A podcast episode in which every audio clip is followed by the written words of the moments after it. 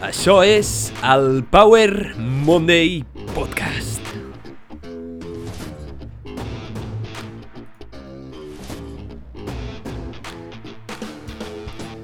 Benvinguts al Power Monday Podcast, sóc en Pau, el teu apassionat de salut, inspiració i ciència, i estic molt agraït de que estiguis escoltant aquest episodi. En aquest episodi parlaré d'una de les coses més importants de la teva vida, i són els teus hàbits. Avui et parlaré del procés de construir bons hàbits, de trencar mals hàbits i com petits hàbits et poden portar a viure més saludable, millor, ser més productiu, sentir-te millor que mai. Per començar, aquest no serà el típic contingut en el que et diré com has de viure. No et diré, aquest és l'hàbit que has de fer si vols viure molt més, aquest és l'hàbit que has de fer si vols viure molt millor... Per què? Perquè no et conec i perquè cada hàbit funciona diferent per cada persona. Però el que sí intentaré fer en aquest episodi és unificar el que tenim en comú. Al cap i a la fi, en aquest planeta Terra tots som humans i tots compartim un mateix sistema operatiu, una mateixa biologia i un mateix tipus de comportament. I si m'estàs escoltant i no ets un ésser humà, ets un alienígena, benvingut al planeta Terra, veuràs que tots estem una mica grillats, estem una mica tocats de l'ala, però intentem ser bona gent. Així que som-hi, anem a començar. Naixem en aquest món sense manual d'usuari. Venim en aquest món i ningú ens dona les instruccions d'aquest superordinador que tens aquí al cap, al teu cervell. Però entendre com funciona aquest superordinador és més important que mai actualment. Per què? Doncs perquè el nostre ambient s'està està sent hackejat. El teu cervell no va evolucionar amb ganes de fumar cigarros, de fumar pitis i revisar Instagram cada 5 minuts o de drogar-te. Les plataformes i aquests productes no inventen noves motivacions, sinó que en realitat el que fan és apel·lar als motius subjacents de la teva naturalesa. Aquesta naturalesa que ja tens dins teu. I és que el nostre cervell, aquest programa que utilitza, no s'ha actualitzat en els últims anys, no, no hem baixat actualitzacions, val? Els teus hàbits són solucions actuals a desitjos antics, són noves versions dels antics vicis, i els motius subjacents darrere de la naturalesa humana, de la teva naturalesa, segueixen sent els mateixos que els del paleolític hem construït un ambient que d'una manera o una altra hackeja el nostre sistema operatiu, perquè apela directament als motius antics i fa que aquests comportaments que són dolents per nosaltres a llarg termini siguin molt atractius i molt difícils d'evitar a curt termini. Per tant, ara més que mai, portar consciència, entendre com funciona el teu cervell, com funciona aquest programa amb el que funcionem tots, és com si tots funcionéssim amb Windows, és molt important és molt important si vols realment viure la teva millor vida. Així que tenim-ho, et convido que agafis aquesta informació i te la portis a tu mateix, te la personalitzis i utilitzis les millors reflexions que puguis treure d'aquest episodi per viure una millor vida, la teva millor vida. El cas és que l'èxit és replicable i l'èxit deixa pistes. Podem utilitzar l'èxit de les altres persones, les persones que viuen més, que viuen millor, i portar aquesta informació, aquests comportaments, cap a tu i personalitzar-los i fer-los millor per tu. Aquest és l'objectiu d'aquest episodi. Aquest episodi s'estructura de la següent manera. Primer parlarem de l'hàbit més important de la teva vida, i diferents hàbits molt importants. Després parlarem de les bases fisiològiques dels hàbits, com funcionen, per què són tan importants ara mateix i com pensa aquest ambient que ens envolta. En tercer lloc, parlarem per què són tan importants els hàbits i tres grans lliçons que he extret d'un dels millors llibres sobre hàbits que es diu Atomic Habits de James Clear, que recomano com si fos la Bíblia com si fos la meva religió. Però la veritat és que és un dels millors llibres que s'ha escrit sobre hàbits i el recomano moltíssim. Si em coneixes personalment, segur que ja te l'he recomanat més d'una vegada. Així que, si vols, tens enllaços a la descripció que poden ser útils i t'invito, et convido a que comparteixis aquest episodi amb alguna persona que creguis que em pot treure benefici. Així que som-hi, anem a començar.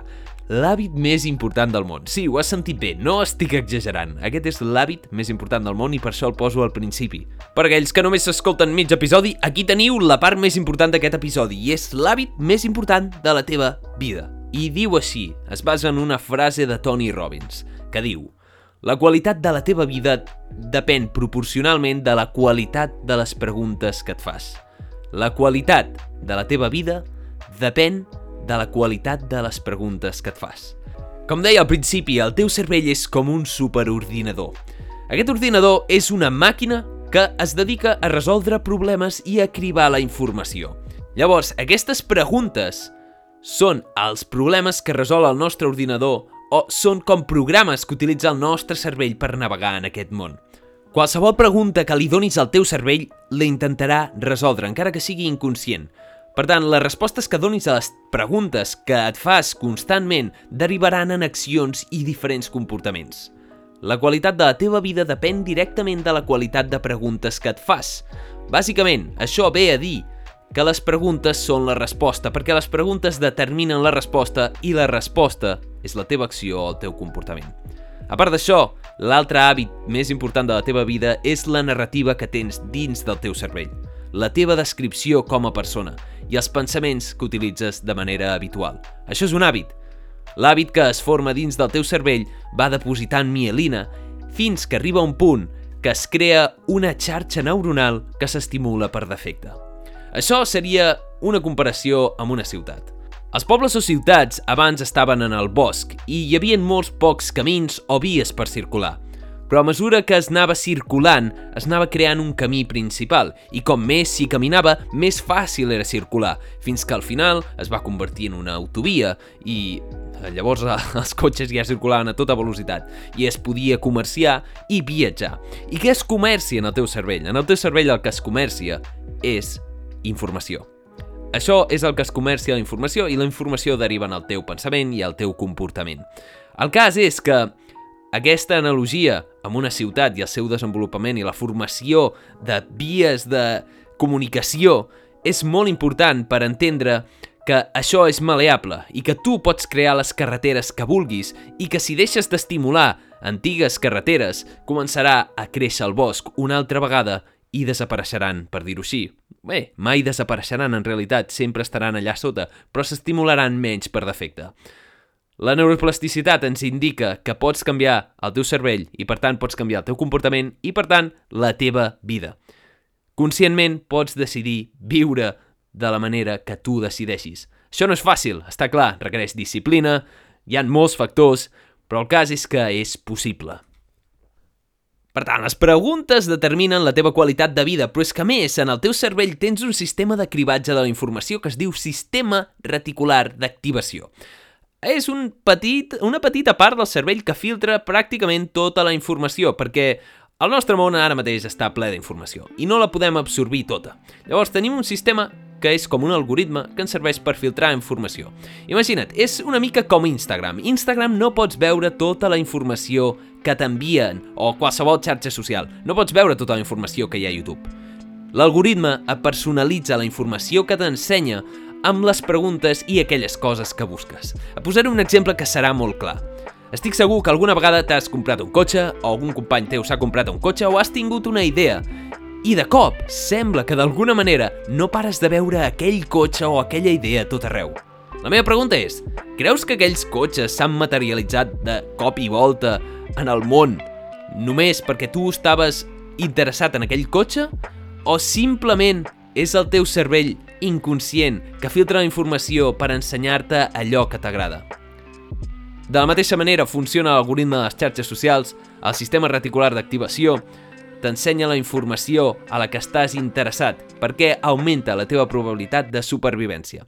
Per això és molt important també saber quines preguntes et fas, què busques, perquè el que busques es magnifica i el que busques trobes. Aquest és l'hàbit més important, entendre la teva ment, entendre com funciona i entendre que la narrativa i les preguntes que et fas determinen la qualitat de la teva vida. Espero que t'hagi quedat molt clar i que t'ajudi. I si creus que amb això et tens suficient, pots parar aquí el podcast. Però si potser t'interessa formar hàbits, entendre els hàbits i viure el teu màxim potencial, anem a seguir amb aquest podcast, amb el punt número 2. Els éssers humans som criatures, som animals d'hàbits. El 90% del teu comportament ve determinat per hàbits automatitzats. Em sap greu dir-t'ho, eh, estàs automatitzat, però és que al teu cervell li encanta. No pots estar decidint conscientment cada acció que fas. Per això, el teu cervell va crear unes vies de recompensa que automatitzaven aquells comportaments que augmentaven la probabilitat de supervivència de l'espècie. S'ha anat fent al llarg dels anys amb la selecció natural. En el teu cervell tens un neurotransmissor, el missatger número 1, el number one, la dopamina. dopamina, de dopat. No, la dopamina és el neurotransmissor que determina els cicles de recompensa i és el neurotransmissió de l'acció. No entrarem molt en detall, però deixa'm que t'expliqui molt ràpidament un parell de coses. La dopamina és el neurotransmissor que construeix els hàbits perquè és el que es segrega en les fases de recompensa d'un hàbit. Quan es segrega això, el nostre cervell ho reconeix i voldrà tornar a tenir el plaer de augmentar la segregació de serotonina. Això és molt bàsic i si estàs ficats dins del món del comportament i la neurologia diràs que he fotut una patada a tot el model de recompensa, però és perquè ho entengui qualsevol persona. Hi ha una cosa increïble en el teu cervell que probablement aquesta paraula cervell la repetiré una i una altra vegada. Per dir-ho d'una altra manera, en el teu cap tens tres cervells. Tens tres cervells, sí, ho has sentit bé, això és fascinant. I és que, a nivell evolutiu, hem anat creixent i, i hem anat generant noves parts del cervell. Llavors, el cervell més primitiu que tens, en el que es creen aquests cicles de recompensa principalment i el que li devem la nostra supervivència, és el nostre cervell reptilià. Aquest cervell ens dona els instints de supervivència bàsics i els instints de recompensa. Llavors tenim el nostre sistema límbic, que va aparèixer més aviat en els mamífers, i aquest es s'encarrega més de la regulació emocional. I per últim tenim el neocòrtex. El neocòrtex és la nostra part més racional i de pensament abstracte que posa fre una mica al sistema límbic i és el que em permet fer aquests podcasts i parlar amb tu i racionalitzar. El més important és que el neocòrtex, la teva consciència, per dir-ho així, ha de frenar el sistema límbic. Ara això és molt més important que mai. Les xarxes socials, el menjar basura, els medis d'informació, l'oci, ha evolucionat d'una manera que cada vegada és més estimulant, més addictiu, més addictiu que mai. I tant si és intencionat com no, ens estem enfrontant a comportaments que són grans formadors d'hàbits perquè són molt dopaminèrgics. Si és que el menjar basura està boníssim i estimula molt fortament el teu sistema límbic, i Netflix en Chill també senta molt bé, les xarxes socials també augmenten molt la dopamina, els likes donen més likes, et fan sentir bé. Però tot això té conseqüències, perquè quan trobem hàbits que són altament dopaminèrgics, tenim un efecte rebot, tenim un malestar, tenim una dificultat de viure en el present – per tant, hem d'intentar fer aquesta transició, evitar aquests hàbits altament dopaminèrgics a hàbits més saludables, que siguin més serotoninèrgics, que és l'altre neurotransmissor que ens pot portar més a aquesta pau interior.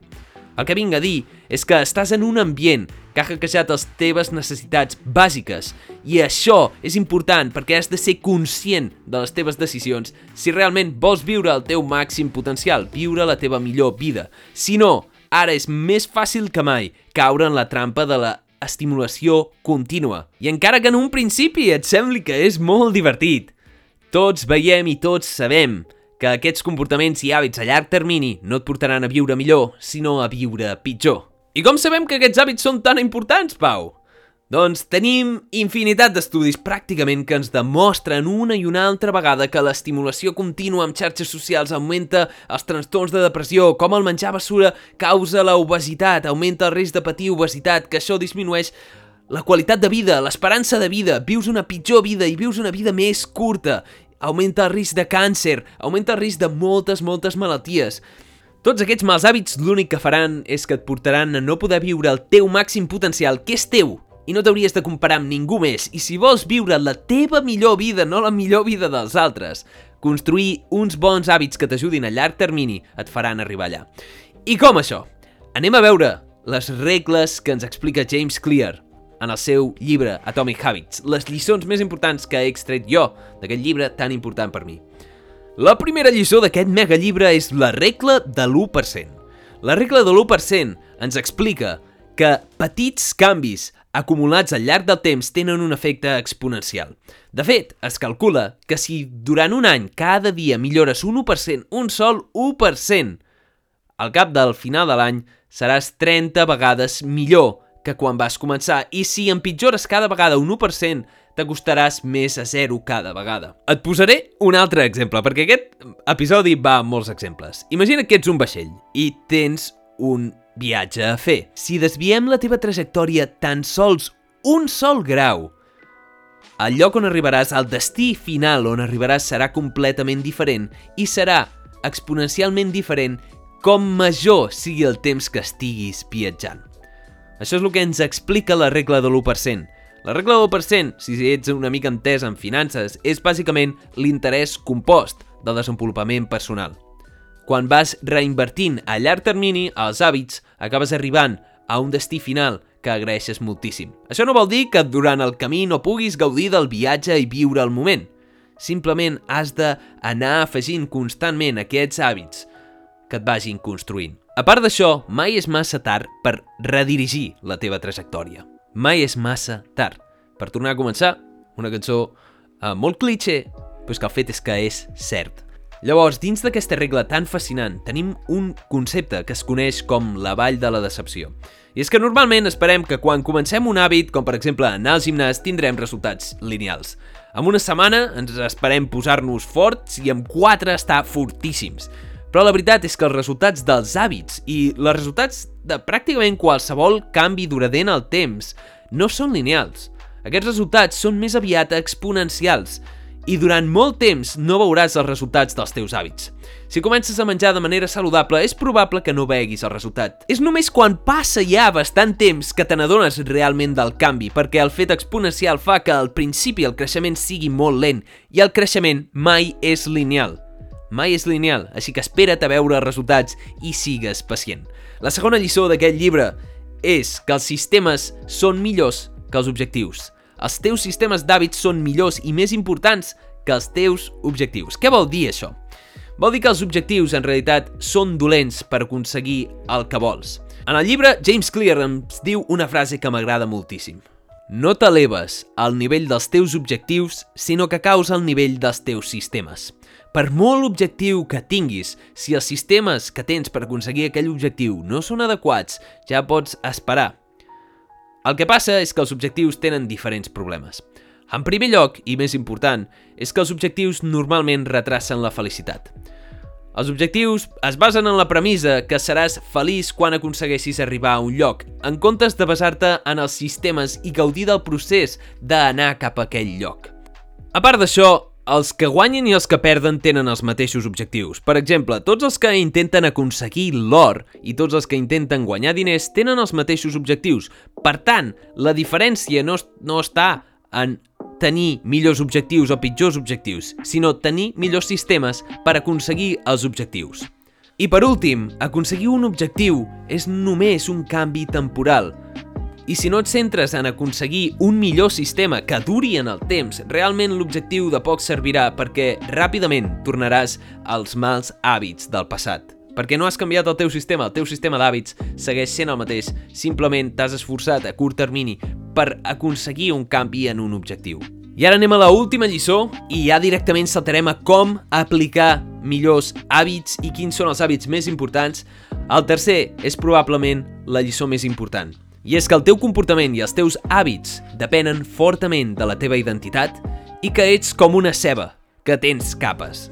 Tenim les capes, que són els resultats, les creences i conviccions i la identitat. Normalment, el que passa és que molta gent intenta canviar com és i la seva vida intentant només canviar els resultats. Si tens l'objectiu típic, per exemple, de perdre pes o de posar-te en forma i guanyar múscul, si només tens aquest objectiu i, el, i només et centres en obtenir els resultats, el més probable és que tard o d'hora tornis a caure la teva identitat antiga. En canvi, si aconsegueixes canviar la teva identitat, els hàbits sortiran sols, perquè si t'identifiques amb una persona que fa exercici, ja no et farà falta pensar que has de fer exercici per aconseguir X, simplement faràs l'exercici perquè t'identifiques com una persona esportista. És el problema principal que té la mentalitat de dieta. Aquesta mentalitat que s'aplica en molts aspectes és la mentalitat de que estaràs durant un temps fent una cosa, una dieta restrictiva, però la teva identitat no està canviant. Així que sí que pot canviar el teu resultat, realment et pots aprimar i això és bo per tu, però has de assegurar-te de canviar la teva identitat i identificar-te amb una persona saludable, no amb una persona que fa dieta. Perquè si t'identifiques amb una persona que fa dieta, sempre veuràs les dietes com una cosa negativa que és temporal. En canvi, si t'identifiques amb una persona saludable, això formarà part del teu estil de vida i menjaràs de forma saludable. La teva identitat es construeix per al teu conjunt de creences i conviccions. A més, depèn fonamentalment de la narrativa que tens de tu mateix i, adivina què, de les preguntes que et fas constantment. Així que, quins són els canvis que podries fer a la teva identitat o com t'hauries d'identificar a tu mateix per canviar això? O com pots aconseguir que la teva identitat encaixi amb certs comportaments? T'animo a que facis introspecció constant en aquest episodi, que portis aquest contingut a la teva pròpia persona, que reflexionis. Quines són les preguntes que t'hauries de fer? Quina identitat identifiques amb els resultats que vols de viure la teva millor vida? No es tracta de que no siguis tu mateix, Simplement que identifiquis i que canvis la narrativa, perquè moltes vegades ens quedem encallats amb narratives autodestructives, amb loops, amb bucles, dels quals costa molt sortir, que probablement no siguin veritats i que no t'estan servint per viure com vols tu realment i per experimentar com vols tu experimentar aquesta vida. Per tant, això es tracta d'introspecció. Aquí et puc donar opinions i consells, però el meu consell és que agafis, escriguis en una llibreta o on sigui els teus pensaments, que reflexionis i apuntis tots els hàbits que tens i sobretot et fagis aquestes dues preguntes. Molt important. Quins d'aquests hàbits em poden portar al meu èxit? Al teu, perquè és teu, això és personal, no depèn de mi. I quins d'aquests hàbits em poden portar al fracàs? el teu fracàs. El que reconeguis tu com a èxit, com a triomf i com a fracàs depèn completament de tu, de la teva pròpia perspectiva. I en la meva humil opinió, normalment sempre coincideix que aquells hàbits que et fan viure més i millorar la teva qualitat de vida, que solen ser els saludables i en els que se solen coincidir la majoria d'éssers humans d'aquest planeta haurien de ser la base. Com adivina divinalla, la cosa que he recomanat més en aquest podcast durant els seus 66 episodis, en aquest episodi, dieta basada en plantes i aliment sencer. A part d'això, dormir, mantenir unes bones relacions socials, intentar no consumir drogues, ni alcohol, ni altres drogues, i si les consumeixes, consumir-les de manera adequada, en un ambient clínic, com la psilocibina. El cas és que la majoria d'hàbits ja els coneixes. Simplement t'has d'identificar amb aquella persona, has de fer el clic, has de decidir per tu mateix, a través de la teva pròpia introspecció i descobriment personal, de que el canvi depèn fonamentalment de tu. Llavors, quins són els hàbits i com pots fer aquests canvis? Depèn d'entendre les bases dels hàbits. Les bases dels hàbits són que hi ha quatre fases en els hàbits, que són la senyal, l'anel, la resposta i la recompensa. Tots els hàbits tenen aquest bucle repetitiu fins que un dia s'instal·len en el teu cervell i sembla que no marxen. La senyal vindria a ser um, la senyal visual o física o mental que tens d'una cosa que fa el trigger i et dona l'anel a prendre acció. Després tens la resposta, que és l'acció, i finalment tens la recompensa, que normalment sol ser dopaminèrgica. Doncs llavors, si has arribat fins aquí, el més probable és que tinguis moltes ganes de mantenir un bon hàbit a llarg termini que faci que visquis millor. El més important d'aquestes quatre fases, senyal, anel, resposta i recompensa, és que van vinculades quatre lleis o normes molt importants, que són l'exposició, la fricció, l'atracció i la recompensa. Per què és tan important això? Perquè els hàbits són automàtics, però tots, els bons i els dolents. Així que si vols augmentar l'ús de bons hàbits que saps que són bons per tu i disminuir aquells hàbits que són negatius per tu, Primer, has de disminuir l'exposició als mals hàbits i augmentar l'exposició als bons hàbits. Una bona manera, per exemple, sempre vinculat amb la dieta perquè és l'exemple més fàcil, és posar-te menjar saludable més a l'abast i allunyar el menjar que no és saludable. Així et fas un favor real i disminueixes l'exposició, disminueixes la senyal. En segon lloc, és disminuir la fricció. La fricció és que sigui més fàcil o més difícil un hàbit. No és que hi estiguis exposat constantment, però és que et fas fàcil els bons hàbits i difícil els mals hàbits. Per exemple, si un bon matí t'il·lumines i decideixes que vols anar a córrer cada dia, el més fàcil per reduir la fricció és deixar-te la roba d'exercici físic a prop. O sigui, deixar-te-la preparada per a l'endemà al matí, simplement despertar-te i vestir-te. Si, per contra, l'endemà al matí et despertes i has de buscar la roba, tindràs molta fricció i és probable que no facis aquell hàbit. Un bon consell a l'hora de disminuir la fricció o que no t'importi tant la fricció és la percepció del temps i és fer aquell hàbit que vols fer, simplement fes-lo dos minuts. Fes-lo dos minuts. Perquè el primer pas sempre és el pas més difícil. I el més probable és que si fas un hàbit dos minuts, com fer exercici, és que segueixis amb aquell hàbit més temps. Per tant, anem a disminuir la fricció entre el primer pas de prendre un hàbit saludable i augmentar la fricció amb aquells hàbits que no són saludables. Per últim, deixa'm afegir la llei de la recompensa. I és que qualsevol hàbit que és recompensat, sigui com sigui, augmentarà la probabilitat de que es mantingui. I qualsevol hàbit, si és castigat, sigui com sigui, disminuirà la probabilitat de que es mantingui al llarg del temps. Així que si vols augmentar els teus hàbits saludables, el més adequat és que et recompensis amb altres coses, amb una recompensa externa o fent una cosa que t'agrada sempre i quan no sigui altament perjudicial i contrarresti l'efecte beneficiós de l'hàbit saludable. Dit això, deixa'm afegir una altra tècnica la tècnica de stacking, que és la tècnica d'enllaçar hàbits. Aquesta tècnica és molt important i et pot ajudar moltíssim, sobretot a construir la teva rutina del matí o la rutina nocturna o la rutina que sigui. I és el fet de juntar els hàbits de manera que la última fase del primer hàbit es converteix en la senyal del segon. Deixa'm que posi un altre exemple. Per exemple, si un hàbit que ja fas habitualment com rentar-te les dents l'uneixes a un altre hàbit, com llegir, en plan, cada vegada, després de rentar-me els dents, llegeixo. Arribarà un punt que això s'acumularà i es convertirà com en un conjunt d'hàbits que s'ajunta. Per això les rutines matutines i els morning routines estan triomfant tant a les xarxes i veus les rutines dels milionaris. Em desperto cada dia al matí em bec un cafè ple de polifenols i després llegeixo 4 llibres, vaig a córrer 5 quilòmetres, torno a llegir, em llegeixo 3 llibres, em publico 4 i després faig exercici. Bum. Aquesta és la meva rutina matutina. El cas és que realment ajuda.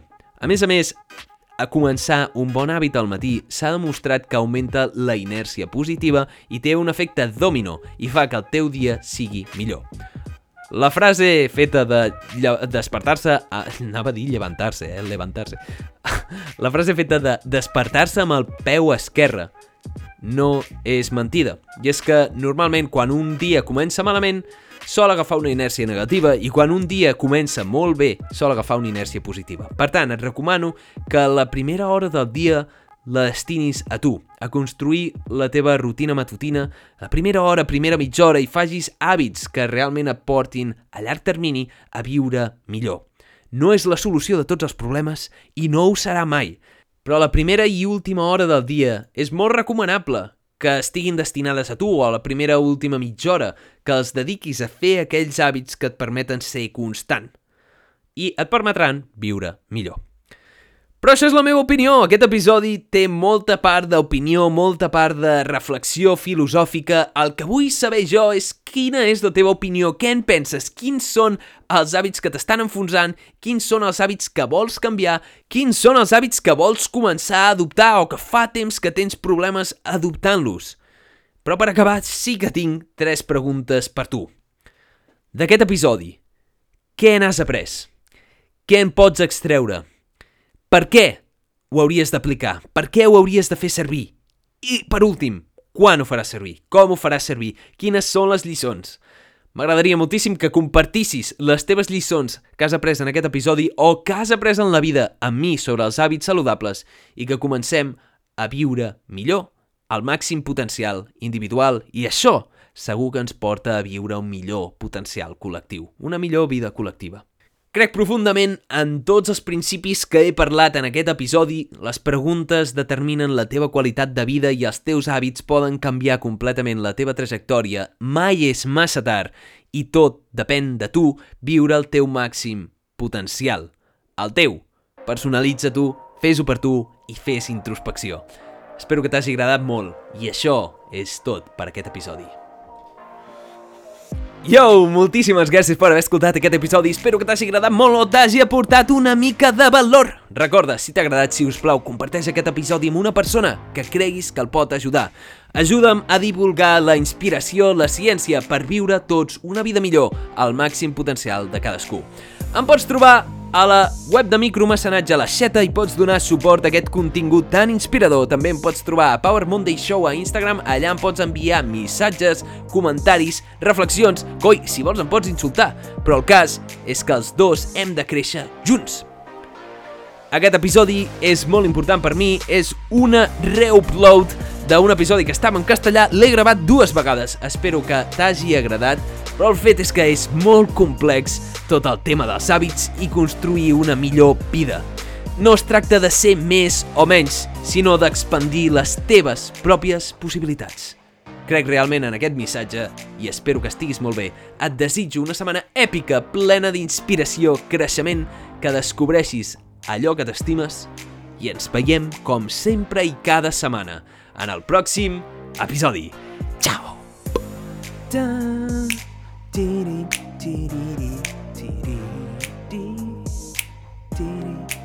Let's go.